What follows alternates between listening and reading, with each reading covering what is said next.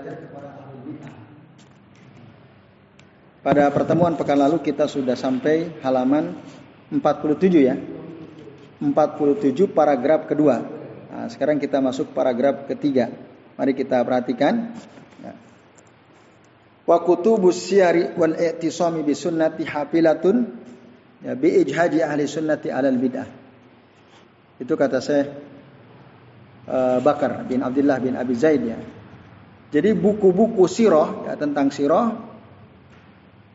dan kitab-kitab yang menjelaskan tentang pentingnya berpegang teguh kepada sunnah hafilah ya.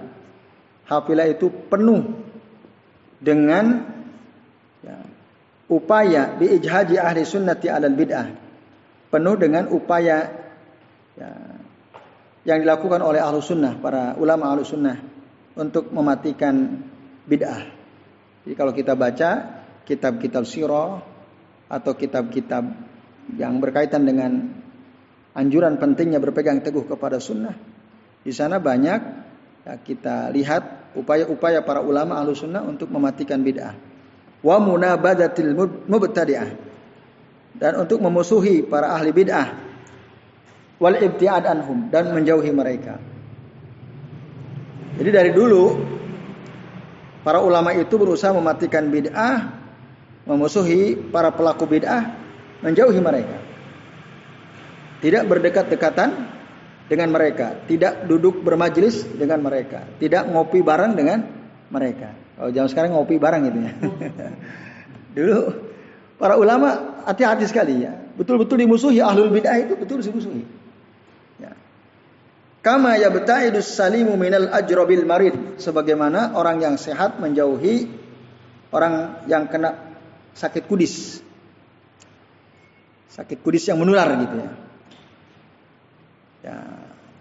Bapak Ibu ya Bapak-bapak dan sekalian, coba kalau kita tahu ada seseorang dia punya penyakit menular, ganas penyakitnya. Kira-kira kita berani dekat enggak sama dia? Enggak akan berani. Kalau corona sih sebagian nganggap bahaya, sebagian enggak gitu ya. ini seandainya ini penyakit betul-betul bahaya gitu. Nyentuh sedikit kena gitu. Pasti kita akan menjauh. Begitulah para ulama salafus saleh. Ketika ada orang huwa minal mubtadi'ah min ahlil bid'ah itu dijauhi gitu. Dimusuhi mereka itu. Seakan-akan seperti orang sehat yang menjauhi orang yang kena penyakit kudis itu. Walahum qasasun wa waqi'atun bituli syarh yatulu sarhuha. Mereka punya kisah-kisah kejadian-kejadian peristiwa-peristiwa yang apabila dijelaskan sangat panjang sekali. Tapi kata saya bakar, lakin yatibuli al isyara ila ruusi al muqayyadat fiha. Tapi ya, saya ini, saya bakar ini, beliau mengatakan ya, uh, dengan senang hati beliau akan menyampaikan isyarat tentang beberapa pokok tulisan mengenai itu, mengenai bagaimana para ulama ahlu sunnah berusaha menjauhi menjauhi mereka. Nah. Wa kana minas salaf, oh maaf, semua itu. Uh, faqad kana salafu rahimahumullahu taala yahtasibu yahtasibuna al-istighfaf bihim. Yahtasibuna al-istighfaf bihim wa tahqirahum wa raddal mubtadi wa bid'atihi. Dulu para ulama salaf, ya, semoga Allah merahmati mereka semua, ya, berharap mendapat pahala dari Allah Taala dengan menghina para ahli bid'ah dan menolak kebid'ahan mereka. Jadi ini dianggap ibadah oleh para ulama, para ulama salaf. Ya. Menghina ahlul bid'ah menolak pelaku bid'ah beserta bid'ahnya ini dianggap suatu amal soleh. Oleh karenanya mereka berharap mendapatkan pahala dari Allah Subhanahu wa taala. Nah, ini ya ikhwas sekalian azan ya Allah wa Bagaimana betapa para ulama dulu itu betul-betul memerangi para pelaku bid'ah. Jadi jangan dibiarkan. Itu. Apa pun resikonya mereka harus diperangi, harus diluruskan, bahkan dimusuhi, dijauhkan dikucilkan nantinya. Itu. Wa yuhadziruna min mukhalatatihim wa musyawaratihim wa muakalatihim fala tatawara naru sunni ya, wa mubtadi. Bahkan mereka para ulama dulu itu memberikan peringatan keras dari ya, bergaul dengan mereka. Bahasa kita sekarang kumpul bareng mereka, olahraga bareng mereka, ngopi bareng mereka. Itu betul-betul diperingati. Para ulama jangan hati-hati, jangan kalian campur dengan para ahlul bid'ah. Karena mereka itu ganas kebidahannya. Tidak boleh bahkan bermusyawarah dengan mereka, duduk bareng makan dengan mereka. Jangan sampai ya api ahlu sunnah wal jamaah bertemu dengan apinya ahlul bid'ah. Itu. Nah ini ya. Nah, ini e, betapa para ulama dulu memang sangat keras ya permusuhannya terhadap para ahli bid'ah. Ya, terutama bid'ah bil akidah. Bid'ah adalah masalah akidah. Itu lebih sangat lagi ya, bagaimana para ulama dulu betul-betul memusuhi mereka. Nah ini. Walaupun tentu mereka nggak suka juga kalau kebid'ahan kebid'ahannya dikritik. Sama sampai sekarang begitu sunnahnya. Coba, para pelaku bidah kalau dikritik seneng nggak mereka? Marah. Kalau perlu yang ngeritik datangin, bubarin. Gitu. Perlu kelai fisik, kelai mereka berani. Ya, karena hawa do, dorongan hawa nafsunya. Nah, itu ya. Itu begitulah ahlul bidah. Sampai sekarang seperti itu. Kalau udah kuat mereka berani kalau udah kuat. Apalagi disokong oleh Ah, penguasa misalnya. Oh, lebih berani lagi. Itu. Nah, ini ya, ikhlas kalian ajani Allah wa iyyakum ajmain. Maka para ulama dulu betul-betul memusuhi mereka. Itu. Bahkan, nah, saya katakan, wa kana minas salafi man la yusalli ala janazati mubtadi'ah au mubtadi'in. Ya, payatasarrafu. Bahkan ada sebagian ulama salaf ya, tidak mau menyalatkan jenazah pelaku bid'ah. Jadi kalau ada orang mati, tanya siapa? Oh si fulan, oh dia ahlul bid'ah. Payah maka berpaling, gak jadi. Datang takziah, pas tanya itu siapa? Fulan bin fulan. Oh dia ahlul bid'ah, iya.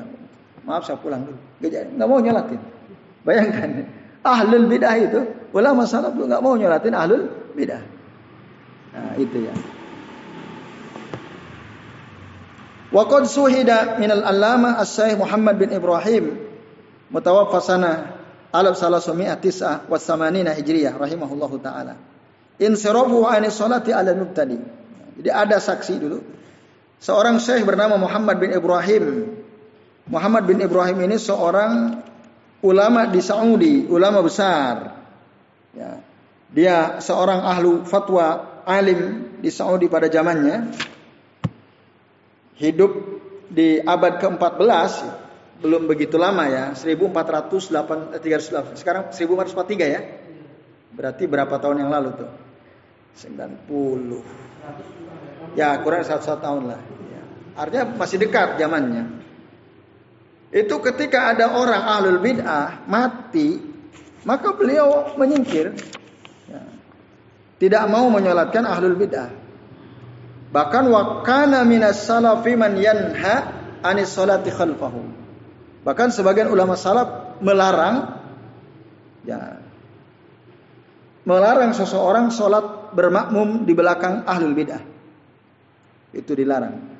Wa yanha an hikayati bidaihim dan melarang menceritakan ya hikayah, cerita-cerita kebid'ahan mereka Kenapa li annal quluba dha'ifatun was subaha khattafah.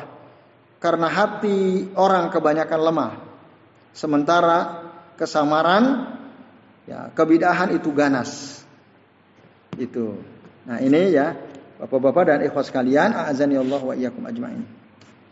Jadi begitu usaha-usaha para ulama salaf ya, untuk menjauhi para pelaku bid'ah.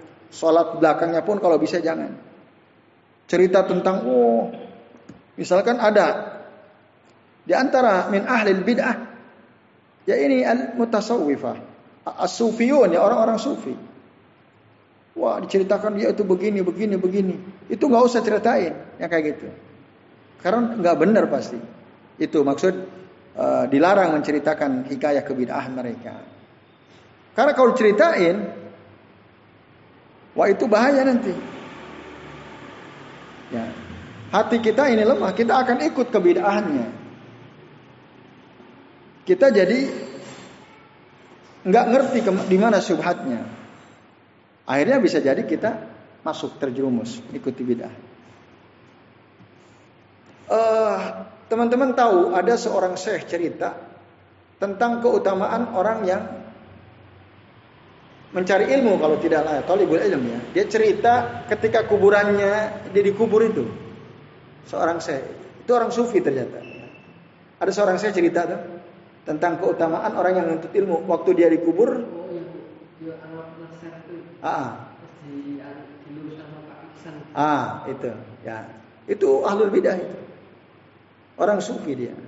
Tapi banyak orang nge-share videonya.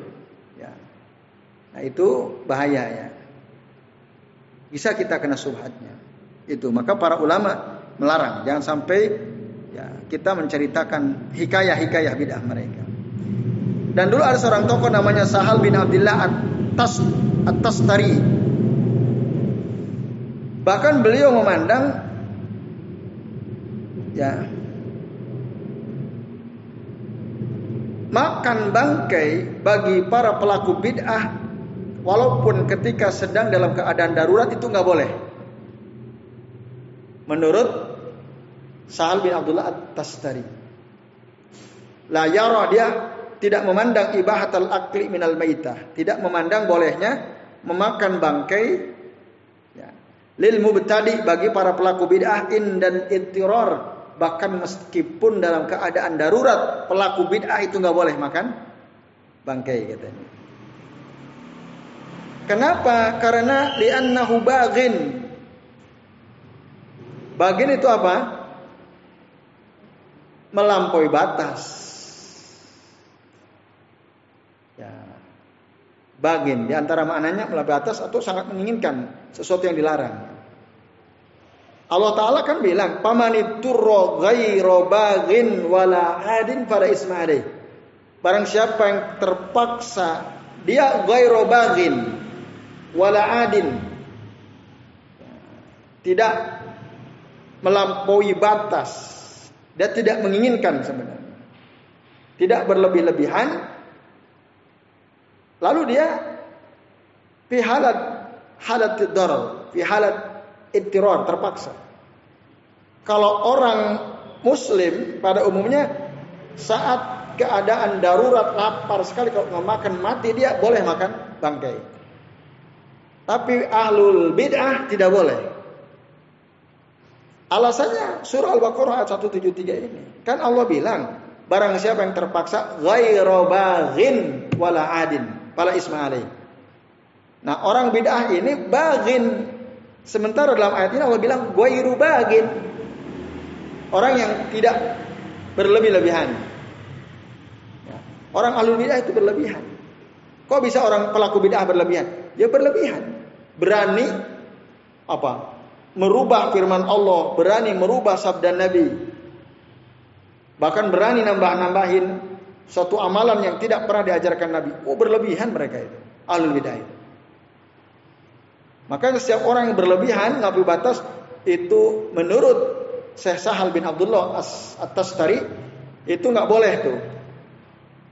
Ya, nggak boleh bahkan makan bangkai sekalipun tidak boh, boleh. Walaupun dalam keadaan daru darurat. Nah, ini saking kerasnya permusuhan para ulama dulu terhadap ahlul bid'ah.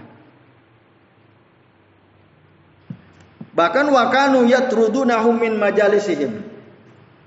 Ulama dulu itu mengusir para ahlul bid'ah dari majelis-majelis mereka. Ya. Kalau ada majelis seperti ini, ada alul bidah usir, keluar kamu. Diusir. Masyhur ente alul bidah, ukhrajan, keluar. Imam Malik pernah melakukan itu.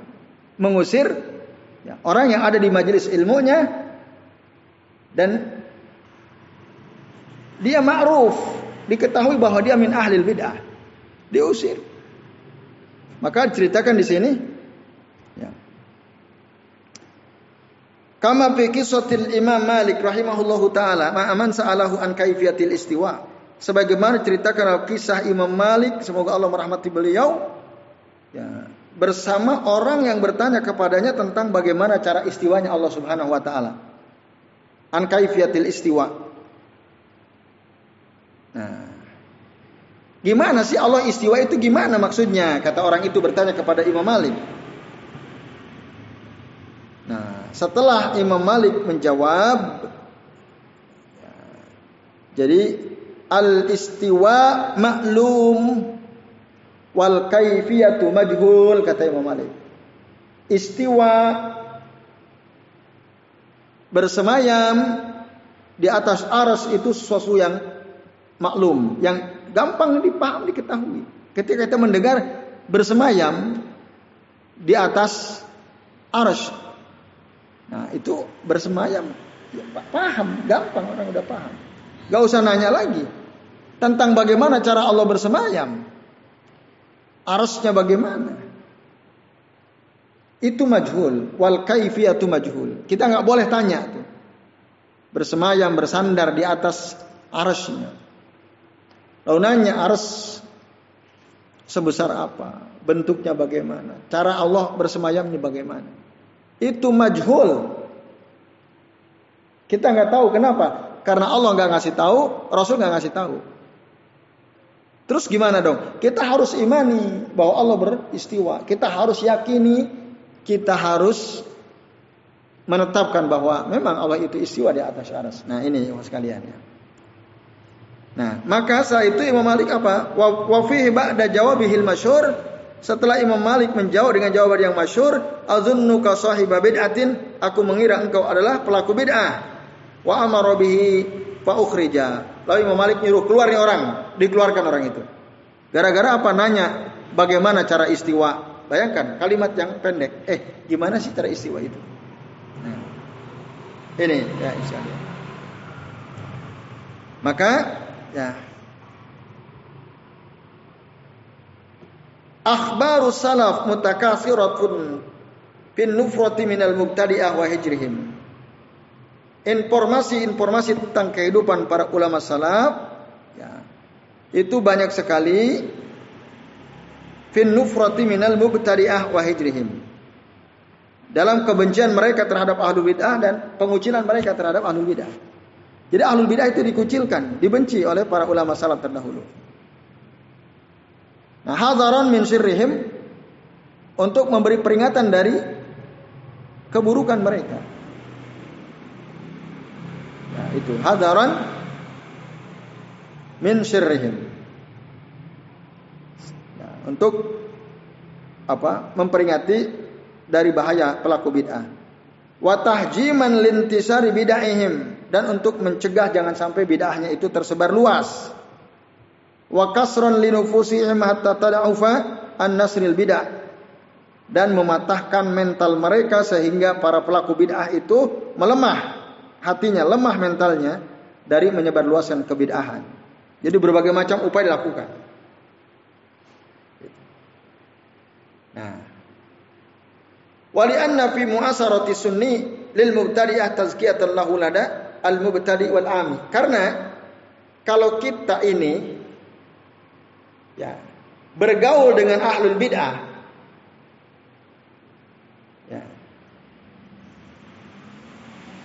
itu akan jadi rekomendasi bagi orang lain, terutama bagi para pemula dan bari, bagi orang awam. Palu kita misalnya dikenal sebagai orang yang lurus cara manhaj lurus.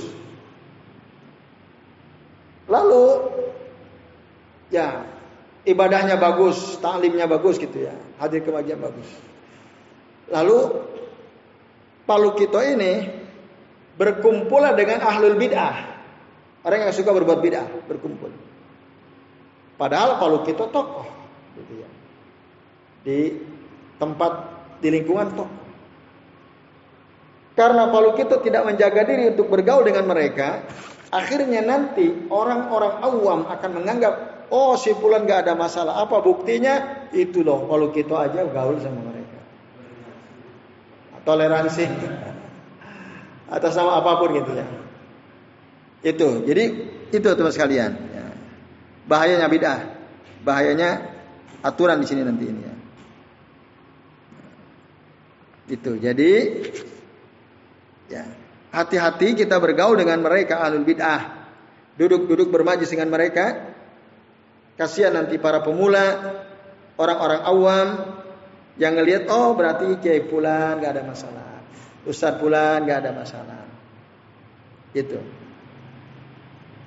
Akhirnya semua dibenerin gitu, dibenerkannya padahal salah. Padahal salah. Nah, ini ya, Bapak-bapak dan ibu sekalian, azan ya Allah wa iyyakum ajmain. Nah, maka tadi jauhi. Terus kata saya bakar al-amiyu mustakun min al-ama. Kata ami umum ya. Menurut saya bakar itu artinya terbentuk dari kata ama. Ama itu artinya buta umyun summum bukmun umyun fahum layar jiun. Jadi ama itu dari kata umyun. Dan kata umyun itu artinya buta. Jadi orang buta itu ya, tidak layak membimbing orang yang buta lainnya atau orang yang normal. Itu, Bapak-bapak dan ikhwas sekalian, azan ya Allah wa iyyakum ajmain. Jadi ada uh, yang mengartikan kata am am tadi am ya mustakun min kalimati aqada tadi. Ya ini ya. Jadi hati-hati. Orang ami itu artinya orang nggak punya ilmu. Itu orang ami ada kafir, zimmi kafir, apa lagi? Kafir ami, eh, kafir zimmi, kafir muahid, ya. kafir mustamin, kafir harbi. Ya. Ada tiga, empat jenis kafir. Nah, maka yang tiga itu nggak ada masalah kita berbuat baik. Uh, tapi tadi tidak boleh uh, kepada ahlul bidah itu ya. Kita harus hati-hati jangan sampai orang-orang umum itu tertipu oleh para pelaku bidah. Karena apa? Bahwa biadi man yakuduhu ghaliban. Karena orang awam itu ya, pada umumnya dia akan dituntun ya, oleh orang yang membimbingnya. Ya kalau ada orang belajar kepada ahlul bid'ah maka berarti dia dibawa kepada kebid'ahan. Nah itu sulit sekali berubah nanti. Pun begitu kita melihat dalam kitab-kitab mustalah, mustalah hadis maksudnya wa adabut talab wa ahkamul jar wa ta'dil al akhbar fi hada. Pun begitu dalam kitab-kitab mustalah hadis, kitab tentang adab talib, hukum al jar wa ta'dil wal akhbar fi hada. Hukum tentang jar ajar al jar wa ta'dil Al-jarah itu mengkritik, at-ta'dil itu meluruskan. Nah, itu bagian daripada adab. Ya. Itu kata Syekh Bakar bin Abdullah bin Abi Zaid rahimahullah. Nah. Terus apakah ada dalil larangan kita sholat di belakang ahlul bid'ah? Ada nggak dalilnya? Teman-teman sekalian. Kita dilarang bermakmum kepada ahlul bid'ah. Ada yang tahu dalilnya apa?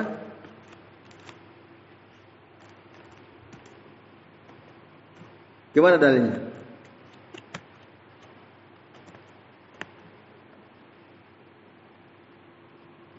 Di antaranya ya dalam surah At-Taubah ayat 84 ya.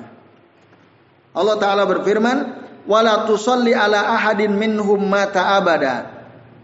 Janganlah kamu sholat atau mendoakan terhadap jenazah salah satu dari mereka yang sudah mati selama-lamanya. Jangan.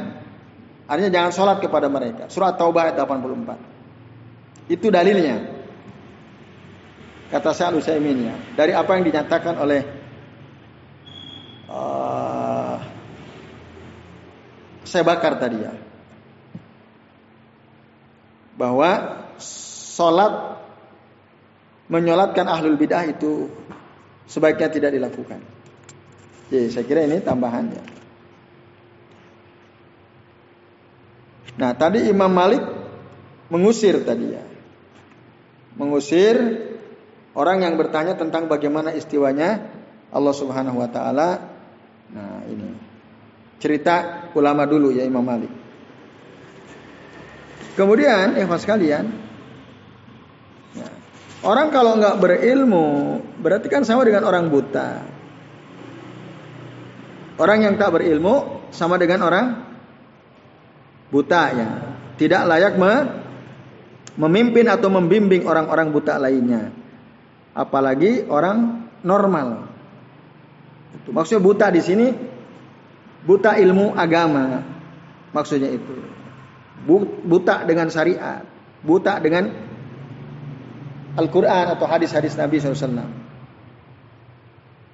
Nah itu yang disebut uh, tadi wala tusalli ala ahadin minhum mata abada. Ya. Itu. J. Itu ya. Jadi ahlul bidah itu memang harus dijauhi. Kalau ada di majelis diusir dia. Nah, karena dia tadi dia susah dia ya. Oke. Itu saya kira ya. Kemudian sekalian uh, kalau ada seseorang membangun rumah engkau tahu bahwa orang itu sedang bangun rumah dan engkau tahu bagaimana cara membangun rumah. Nah, akan tetapi kamu mengetahui rumah ini dan apa-apa yang ada di dalamnya. Ah, tahu-tahu gini maksudnya. Tahu-tahu kita lihat ini perumpamaan ya, ada rumah di dalamnya ada isi penuh. Nah, lalu bisa enggak kita mengetahui apa saja yang ada di dalam rumah itu? Ya. Kita lihat, tapi kita nggak lihat pembangunan rumahnya, tapi kita nggak ngerti apa yang ada di dalam rumah itu. Kita nggak ngerti apa yang ada di dalam rumah itu. Tapi kita nggak pernah lihat gitu. Nah, Apakah kamu kata saya Al-Utsaimin ya bisa tahu sesuatu yang ada di rumah yang dibangun itu pada kita belum lihatnya. Bisa tahu nggak? Ada kulkas, ada sofa, ada apa lagi? Ampli misalnya. Banyak gitu ya. Tapi kita sendiri belum menyaksikan langsung. Nah, apakah Tahu kita apa yang ada di dalam rumah itu? Jawabannya apa kira-kira? Kita belum lihat. Tahu nggak ada apa saja dalam rumah itu? Jawabannya nggak tahu kan?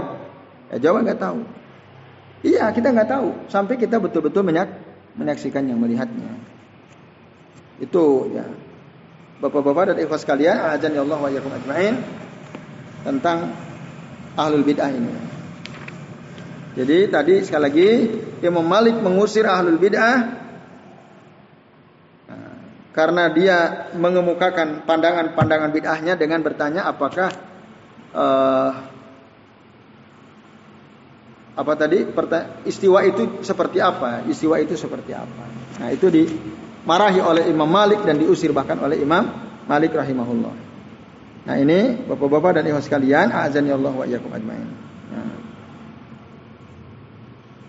nah kemudian adapun belajar dari ulama ahlu sunnah maka ibarat madu. Nah, disebutkan. Faya ayuhat talib kun Oh maaf. Ada enggak di sini? Nah ini.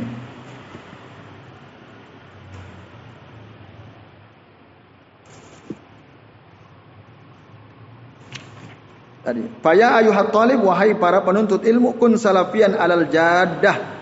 Jadilah kamu ya seorang salafian itu salafi. Maksud salafi di sini orang yang ikut manhaj salafus saleh.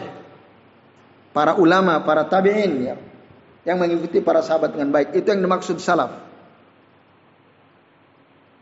Ya, kun salafian alal jaddah. Itulah. Jadilah salafi sejati. Maksudnya jadilah orang yang betul-betul mengikuti cara hidup para ulama salaf salafus saleh dengan sungguh-sungguh. Di mana mereka sangat benci kepada bid'ah, berhati-hati terhadap perbuatan bid'ah. Itu para ulama sahabat dulu dah, termasuk para ulama tabi'in. Maka dikatakan wahdar al-mubtadi'ata an yabtinuka. Hati-hatilah dari para pelaku bid'ah yang bisa saja mereka itu tinuka ya mendatangkan fitnah dari ahlul bid'ah itu. Fa innahum yuwaz ya yuwazzifuna lil iktinasi wal mukhalatah subula. Karena orang-orang ini kelak nanti akan ya, apa? Melakukan al-iktinas wal mukhalatah. Mukhalata itu menipu. Memancing atau ya menipu yang bukan ahlu eh, yang bukan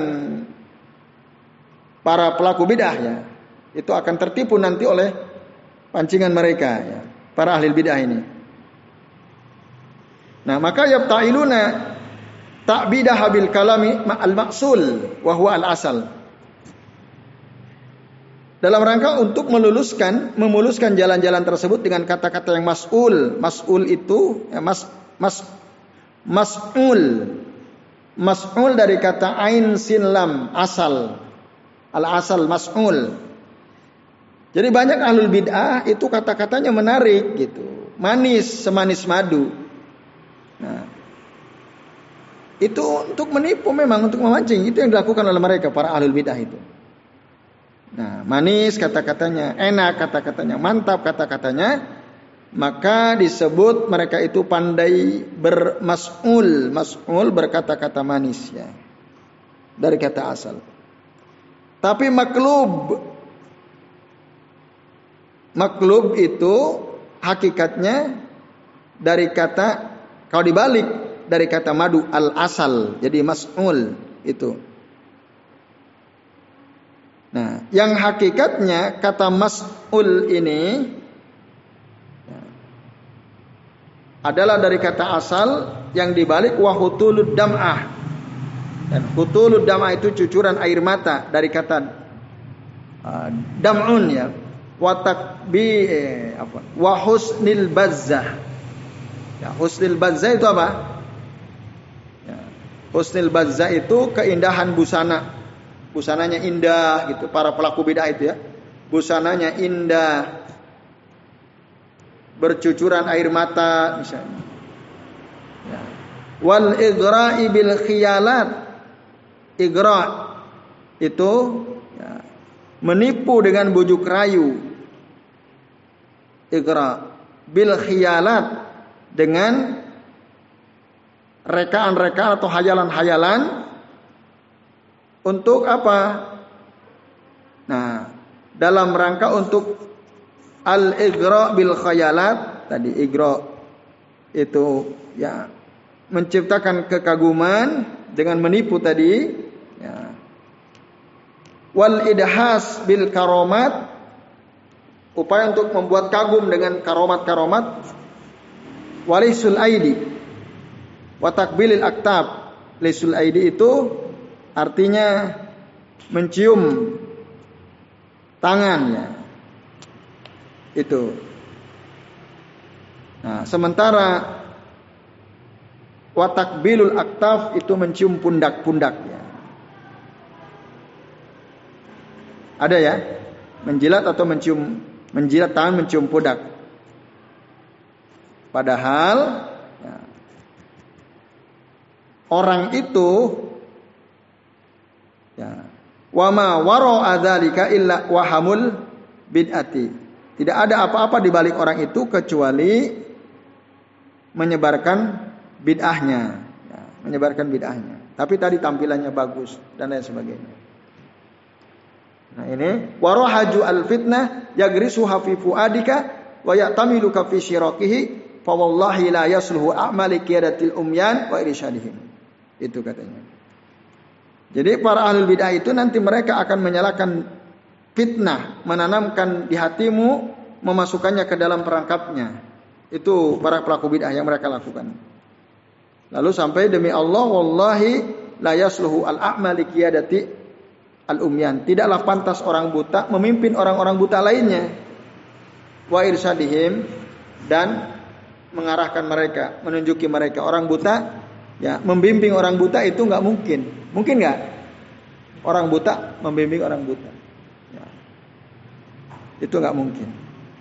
Sama dalam kehidupan yang lain, seperti kata ini, orang ahlul bid'ah nggak mungkin bisa ngajarin yang benar gitu sesuai sunnah. Pasti yang diajarinnya yang bid'ah-bid'ah. Itu maksud dari pernyataan se bakar ini ya. Ikhwas kalian, azan ya Allah wa. Nah, ini. Jadi kalau kita apa ini? Oh tadi. Fa'amal akhdhu min ulama sunnah sedangkan kita menambil ilmu dari ulama sunnah fa'al akil asal wala tasal.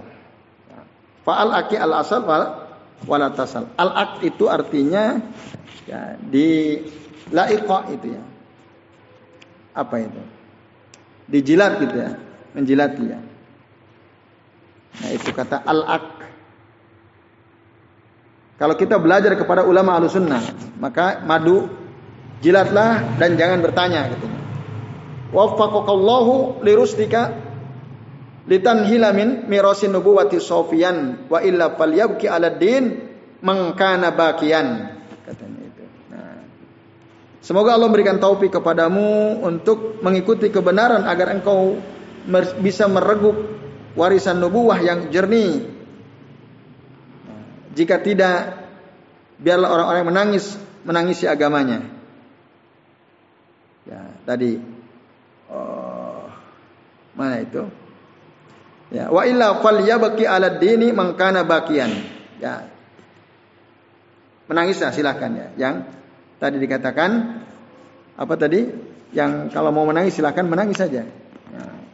Nah, ini Bapak-bapak dan Ibu sekalian, azan ya Allah wa iyyakum ajmain tentang bagaimana sikap ulama terhadap ahlul bid'ah dan bahayanya mereka. Ya, kalau ulama ahlu sunnah ya, menunjuki kita ke jalan yang benar, meninggalkan warisan Nabi yang soft, yang jernih, wa illa falyabki ala dini mangkana bagian. Kalau enggak ya menangis silahkan. Ya, kalau enggak dapat kita. Nah ini bapak-bapak dan ikhwas sekalian, azan ya Allah wa iyyakum ajmain. Ya. Tentang ahlul bid'ah ya. Lalu kata saya Bakar, "Wa ma zakartuhu laka huwa fi halati sa'ati wal ikhtiyar." Apa yang aku sebutkan tadi itu uh, yang disebutkan diceritakan oleh saya Bakar di atas itu tadi tentang bagaimana sikap kita terhadap ahlul bid'ah tadi dijelaskan dimusuhi, dijauhi dan lain sebagainya. Saat kita dalam keadaan asaah wal ikhtiar, lapang dan tidak ada tekanan, kita bebas gitu ya. Tapi kalau kita tertekan, kemarin kita sudah singgung, wa amma in kunta fi dirasatin nizamiyatin tapi kalau kamu belajar di suatu tempat, di madrasah, di lembaga, di kampus yang enggak ada pilihan bagimu kecuali itu, fahdar minhu, maka hati-hatilah darinya, ma'al isti'adah min syarrihi, sambil terus kita memohon perlindungan kepada Allah dari keburukan fitnah ya, dari keburukan fitnah siapa ini? Nah, orang ahlul bid'ah ya. Wala tatakhadhal fit anit talab. Dan nah, jangan sampai kita menghinakan diri dalam menuntut ilmu terhadap para ahli bid'ah itu ya. Nah, itu kata Syekh Bakar bin Abdullah bin uh, Abi Zaid ya rahimahullah. Kemudian an yakuna hadza min at-tawalli Aku khawatir ini nanti tergolong atau termasuk kedudukannya sama seperti orang yang kabur dari medan perang. Dia orang lagi cari ilmu terus di provokasi tadi ya.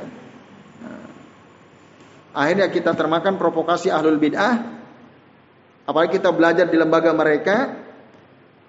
Nah, ini saya bakar beliau katakan fa'akhsha an yakuna hada minat tawalli yaumaz zahab aku khawatir ini termasuk dari orang yang kabur gitu ya dari medan perang.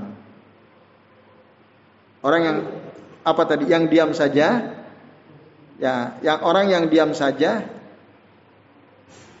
di hadapan ahlul bid'ah ya tidak minta perlindungan kepada Allah dari keburukan mereka. Nah ini jadi bahaya intinya. Fama alaika illa an tatabayyana amrahu wa tattaqi sirrahu wa takshaka wa taksifa. Tidak ada kewajiban bagimu ya. Tidak ada kewajiban bagi kita ya. Kecuali an tatabayyana amrahu. Ya, kecuali kita menjelaskan ya, keadaannya secara jelas watattaki sirrohu berlindung dari keburukannya wataksi rohu dan mengungkapkan rahasianya. Itu yang boleh ya. Jadi ada ahlul bid'ah ya kita buka saja rahasianya. Jelaskan perkaranya. Itu. Kata Syekh Bakar bin Abdullah bin Zaid rahimahullah. Nah, ini ikhwas kalian ajani Allah wa iyyakum ajmain. Nah, terus terakhir ya terakhir. Disebutkan uh,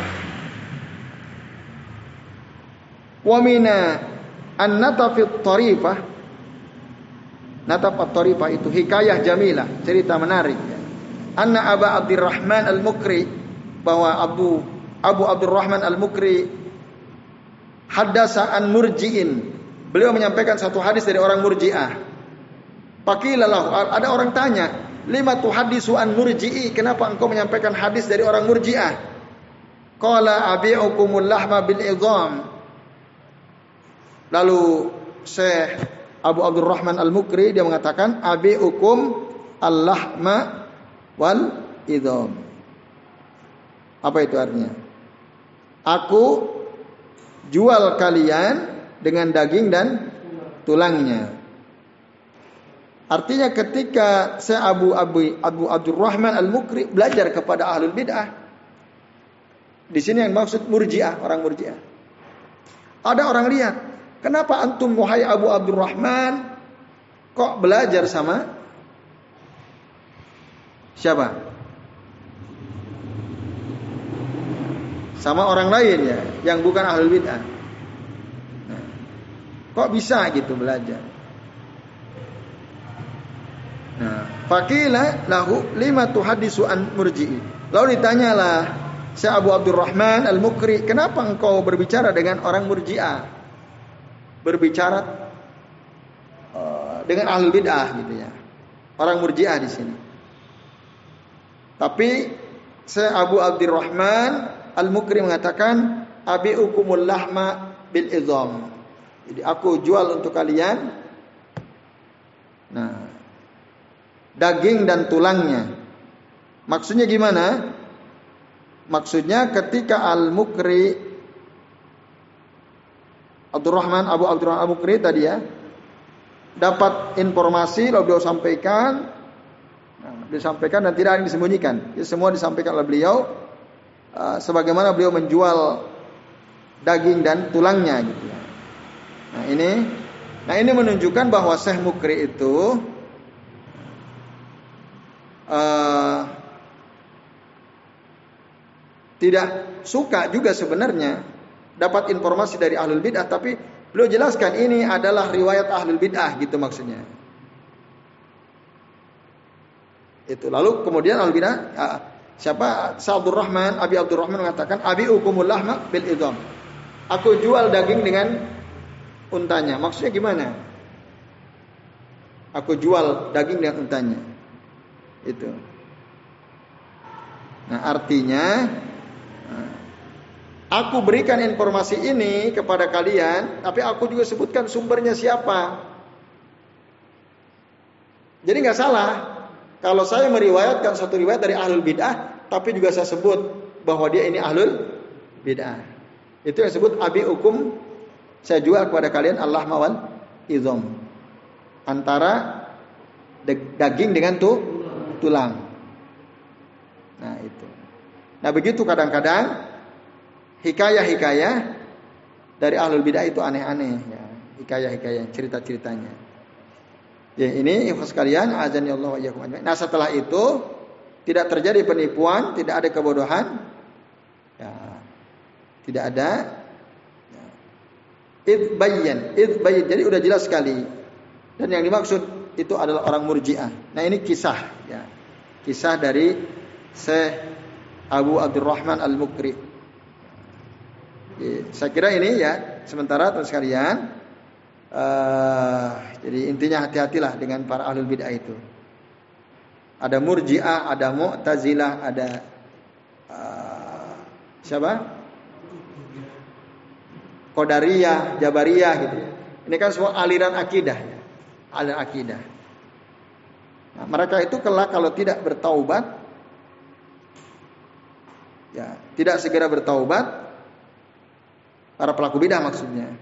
Nah, maka tetap akan dijauhi gitu ya. Eh sekalian, azani Allah wa iyyakum ajmain.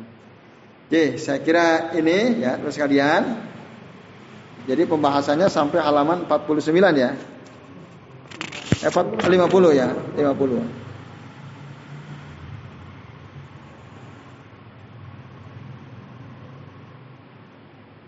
Boleh nggak kita belajar di lembaga ahlul bid'ah?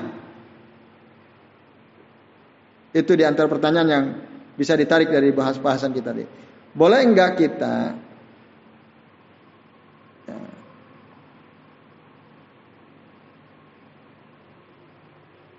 apa tadi? Belajar di lembaga para pelaku bid'ah boleh atau tidak?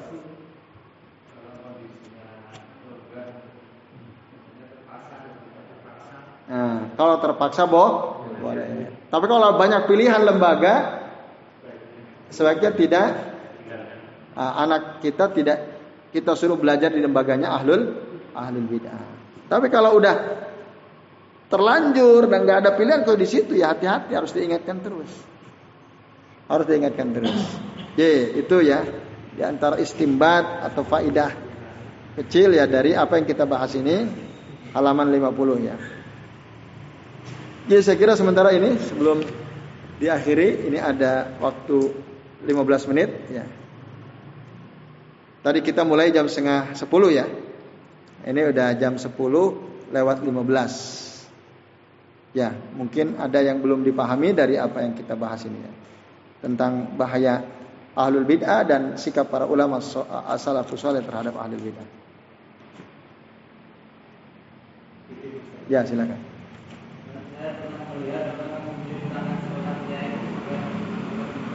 Ah, bolak-balik gitu ya. ya. Kemudian dia meminum sisa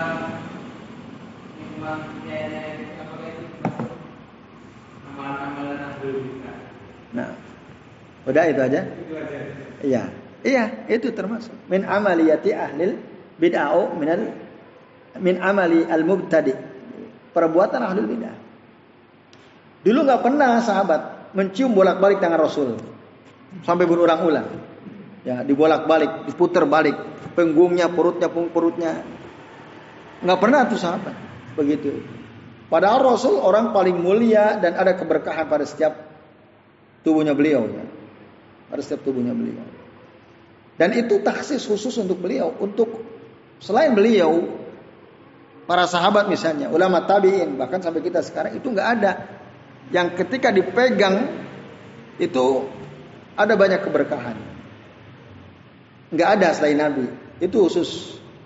Seandainya itu dilakukan kepada Nabi itu mau apa? Makul ya. Karena Nabi al Mustafa pilihan, manusia pilihan. Tapi walaupun para sahabat ngerti Nabi manusia paling mulia, ada nggak hadis gitu yang ada riwayat yang menjelaskan dulu sahabat kalau cium tangan sama Nabi sampai bolak-balik berkali-kali. Cium punggungnya, cium telapaknya, tang apa, perut tangan, punggung telapak tangan. Ada nggak? Nggak ada. Itu ada belakang. Ini gulu berlebihan gitu. Itu ya. Tapi kayaknya bangga sekali diciumin gitu ya. Maka dulu kan saya pernah nge-share video ya ada seorang Habib gitu ya. Lu tegas mengatakan dosa ini nggak boleh. Ya. Walaupun kiai yang mencium tangannya santriwati dosa nggak boleh. Apalagi kiainya masih muda seperti saya, yang nyium tangannya mahasiswa-mahasiswi gitu ya. Bolak-balik itu gimana? Fitnah itu ya. Nah itu haram nggak boleh. Bidah itu ahlul bidah. Nah, tapi ya ada banyak yang senang juga digituin gitu ya. Nah itu ya. Ada bahkan ada pimpinan pondok di Jogja ya. Saya nggak usah sebut gitu ya. Ada videonya. Dia masih muda orangnya, seusia saya kurang lebih. Itu pas dia pulang santri udah berejar tuh santriwatinya. Santriwat, santriwati itu tingkat mahasiswa. Wah dicium bolak-balik itu. Dia begini bolak-balik. Dia nyantai bolak-balik. Mungkin santrinya barangkali ingin dapat keberkahan dari tangan kiainya. Karena pelacur pun senang dengerin dia gitu ya kalau ngomong. Nah, itu ya. Nah, karena sering diundar ke tempat-tempat yang kayak gitu itu ya. Ah? Nah, itu misalnya. Lah, ini haram, haram. Ya, haram. Itu min ahlil bid'ah. Termasuk minum bekas minuman kiai. Ya, itu nggak boleh. Keberkahan itu hanya ada pada zat dirinya Rasulullah Pada orang saya Nabi nggak ada. Berkah itu ya ilmunya, bukan tangannya, bukan minumannya. Ada Kiai Hasan Sahal. Kiai Hasan Abdul Sahal kan? Pernah beliau kedatangan tamu? Gak usah disebut namanya. Iya kan? Ya? Ah, gak usah disebut mereknya. Wah dia di depan para santri kan, direbut tuh Ustaz Hasan. Nah itu. Lalu dia menerangkan, uh, beliau ini kan dari Madinah, saya dari orang dari Fir'aun kan, beliau kuliah di Mesir, Fir'aun katanya ya. Ustaz Hasan ini, Kiai Hasan ini dari Madinah, Madinah itu Nabi ya. Uh, banyak keberkahan sehingga gelasnya Ustaz Hasan itu diminum oleh beliau ya. Situ. Direbut oleh tamu itu. Satu, ah? Tapi Enggak. Ya. Maksudnya di, tapi kan belum diminum sama dia kan sama tamunya. Ya. Nah itu itu itu nggak benar gitu. Sikap seperti itu nggak benar. Ya. Setinggi dan sehebat apa pun seorang ulama itu bekas minumnya nggak ada keberkahan. Jangan sampai menyamakan kiai orang soleh selevel nabi. Itu khusus Nabi. Nah, ini. Tapi di pondok-pondok tradisional banyak nggak ya kayak gitu? Banyak. Diperebutkan tuh minuman bekas minum kiainya. Nah itu gulu namanya berlebihan. Ya berlebih lah, lebihan. Itu ya. Itu jadi ya, tentu tidak demikian ya itu ya kalau berlebihan ya beda itu nggak pernah dilakukan. Apa? Tapi kalau Nabi bekas minum Nabi itu dikejar itu memang Nabi. Jadi karena emang ada sebagian orang orang alim itu sama derajat seperti nabi gitu. Kenapa? Karena al ulama warasatul ambia itu dasar mereka. Ulama itu pewaris para nabi. Kalau nabi aja ya air wudhunya aja mereka rebutan kan air wudhunya. Maka begitulah juga para kiai, para ulama gitu. Menurut sebagian orang gitu. Padahal ya, para ulama salah mengatakan itu khusus untuk Nabi. Selain Nabi, apa ada orang rebutan bekas minum Abu Bakar, bekas minum Umar ibn Khattab itu nggak ada. Itu hanya khusus Nabi saja. Ya itu Pak, Pak kita. Allah taala alam bisawab. Jadi ya salaman biasa saja, nggak usah seperti itu. Ya, tapi kalau cium tangan boleh, boleh, cium tangan boleh. Pada ada, ah, ayah, tapi harus sama-sama eh, harus mahramnya atau murid laki-laki kepada guru laki-laki. Itu boleh cium tangan. Seperti sahabat mencium tangan Rasulullah itu bisa, boleh. Tapi nggak pernah ada sahabiah, sahabat wanita nyium tangan Rasulullah. Itu nggak ada ceritanya. Bahkan waktu dibayat aja nggak menyentuh tangannya. Jadi pakai isyarat. Rasul tidak pernah menyentuh tangan wanita kecuali istrinya. Padahal adakah orang yang lebih bisa mengendalikan dirinya atau syahwatnya daripada Nabi? Gak ada. Itu. Jadi ya itu betul-betul min ahli bid'ah gitu ya. Salaman sampai cium tangan padahal yang nyium tangan itu perempuan gitu ya. Terus ustaznya atau kiainya laki-laki. Itu adalah layas ya. Ini nggak bisa nggak nggak benar karena tidak pernah dilakukan oleh Nabi SAW. Jadi itu, wallahu taala alam bisawab. Jadi saya kira gitu ya sekalian. Masih ada? Cukup ya. Jadi poinnya adalah kesimpulan inti dari apa yang kita bahas, para ulama dulu itu betul-betul para pelaku bid'ah itu dijauhi. Ya, dijatuhkan, dihinakan sampai jangan sampai eh, jangan sampai bid'ahnya itu tersebar, jangan.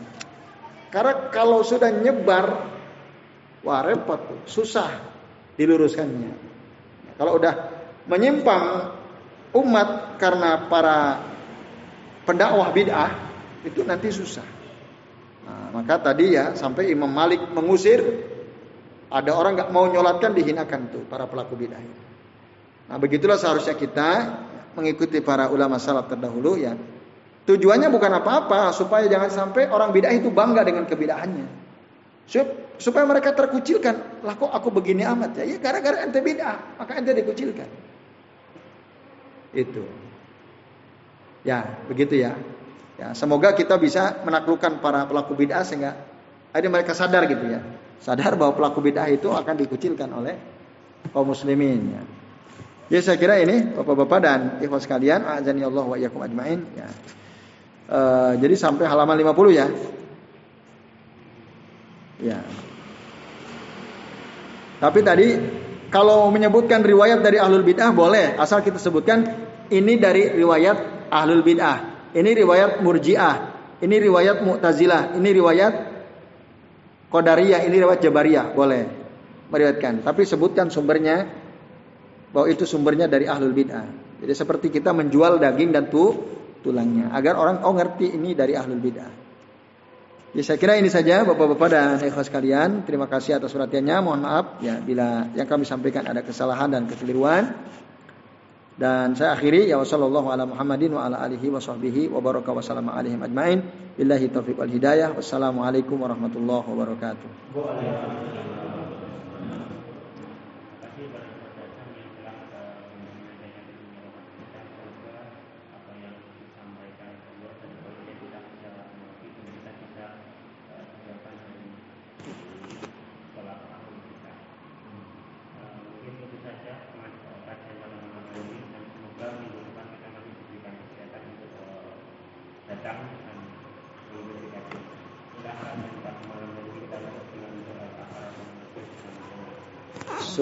Subhanakallahumma wa bihamdika asyhadu an la ilaha illa anta astaghfiruka wa atubu